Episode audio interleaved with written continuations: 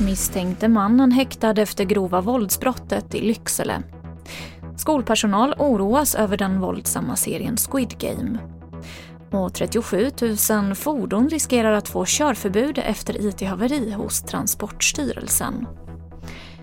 TV4-nyheterna börjar med att den misstänkte 50-årige mannen har erkänt att det var han som allvarligt skadade två barn och en äldre kvinna i Lycksele kommun i måndags. Och nu häktas han av Lycksele tingsrätt. Vi hör advokaten Christian Schomkov.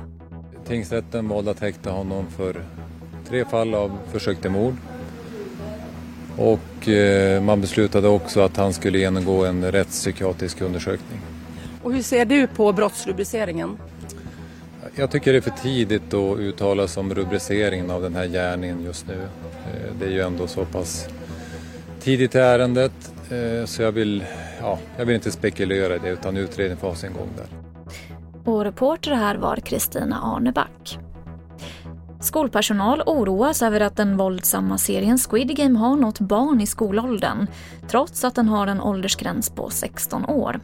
På Örnässkolan i Luleå reagerade rektorn när hon såg att barn på skolgården lekte lekar från Squid Game, som i serien går ut på att den som förlorar dödas.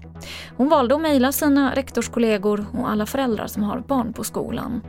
Mer om det här på tv4.se.